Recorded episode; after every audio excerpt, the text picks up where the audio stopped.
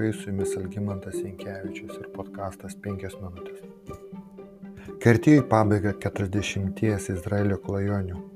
Metų po dykumą viešpats įsakė surašyti tautą ir surašymas parodė, kad a, tautoje yra šiek tiek daugiau nei 600 tūkstančių vyresnių nei 20 metų vyrų. Klausimas, kam tai buvo daroma? Šis skaičiavimas turėjo gana praktišką tikslą.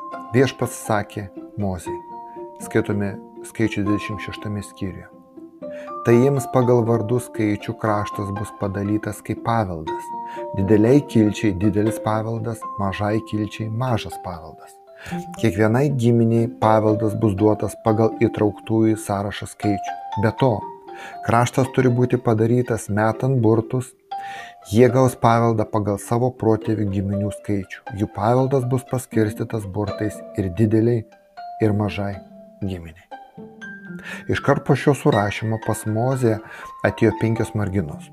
Tai buvo Manaso giminės Celafhado dukterys. Jų vardai buvo Mahla, Noja, Hogla, Milka ir Tirca. Jos atsistojo priešais Mozės, Mozę, kunigą Elazarą, vadus bei visą bendryje prieimų į sustikimo palapinę ir pasakė, mūsų tėvas mirė dikumoje, Jis nebuvo tarp susibūrusių prieš viešpatį Koracho draugiją, bet numirė už savo paties nuodėmę. O sunų jis nepaliko.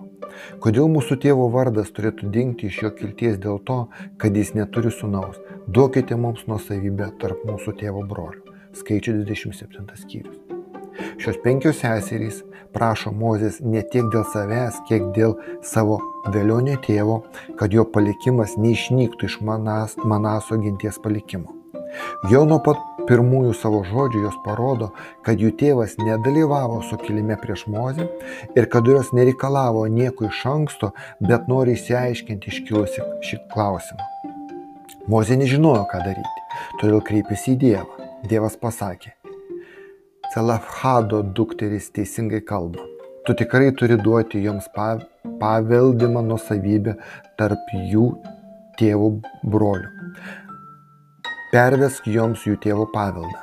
Be to izraelitams kalbėk ir sakyk, jei miršta vyras neturėdamas sunaus, jo paveldą pervesite jo dukteriai. Jei jis neturi dukters, atiduosite jo paveldą broliams. Jei jis neturi brolio, atiduosite jo paveldą jo tėvo broliams. O jei jo tėvas neturi brolio, atiduosite jo paveldą artimiausiam jo kilties giminaičiui ir jis paveldės jį. Tai bus su izraelitams įstatas ir įsakas kaip viešpats įsakė Mozei. Skaičių 27 skyrius. Ką mes čia matome? Ogi, ogi tai yra pirmoji įstatymo pataisa, kuri reguliavo izraelitų pilietinį gyvenimą, jeigu taip galėtumėm pasakyti. Dieviškiai potvarkiai keičiami bejėgiškiausių Dievo tautos, Dievo bendruomenės narių prašymų. Prieimu šį sprendimą, Jozapo giminės šeimų galvos taip pat pasisakė savo iniciatyvą, kad Machla E, sunku net išvardyti šitos moterų vardus, sakykime, penkios šitos seserys neturėtų tekėti už kitų giminių atstovų, išskyrus savo kilmės giminę, tam, kad neprarastų paveldo. Ir viešpas taip pat patvirtino šį pasiūlymą. Taigi per vieną dieną buvo padaryti du paveldėjimo įstatymo pakeitimai. Teisingumas buvo subalansuotas. Pirmasis pakeitimas suteikė seserims ir visiems, kurie ateityje atsidurs panašioje situacijoje, teisės, kurie anksčiau neturėjo.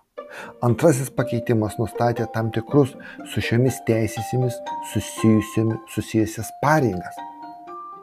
Nelaukdamas, kol gaus savo žemę, seserys ištekėjo už savo tėvų brolių, sūnų ir taip atliko savo pareigas. Jei pažvelgsime į šią istoriją pačių Celafhado dukterų akimis, pamatysime keletą vertingų principų, kurių laikėsi seseris. Pirma, iškilus problemą, jos kreipiasi į tuos, kurie, ga, kurie gali spręsti problemą, o ne į simpatizuojančius, suprantančius ar palaikančius be bejonės kabutėse, kurie nieko negali spręsti, na įskyrus vieną - sukelti nepasitenkinimą. Tai beje jis įskyrė iš Koracho maištininkų, kurie žadino žmonių nepasitenkinimo dvasę. Antra, jos turėjo savo sprendimo variantą, savo pasiūlymą. Jos aiškiai žinojo, ko nori ir nebijojo pateikti pasiūlymą. Galiausiai jos pakluso sprendimui, kuris gerokai susiaurino jų pasirinkimo laisvę kurti šeimą. Kitaip tariant, jos sutiko pažeisti savo laisvę visuomenės tautos labai, kuri taip pat ištiesė joms pagalbos ranką. Brangus draugai, esu tikras, kad jei dažniau laikytumėmės šių paprastų principų savo gyvenimuose, turėtume mažiau problemų tiek tautoje, tiek, mūsų, tiek tarp mūsų pačių, turėtume mažiau susierzinimo, nepasitenkinimo ir kitų nuvertinimo. Ir, gyven, ir būtume daug laimingesni. Su jumis buvo penkios minutės ir Algymantas.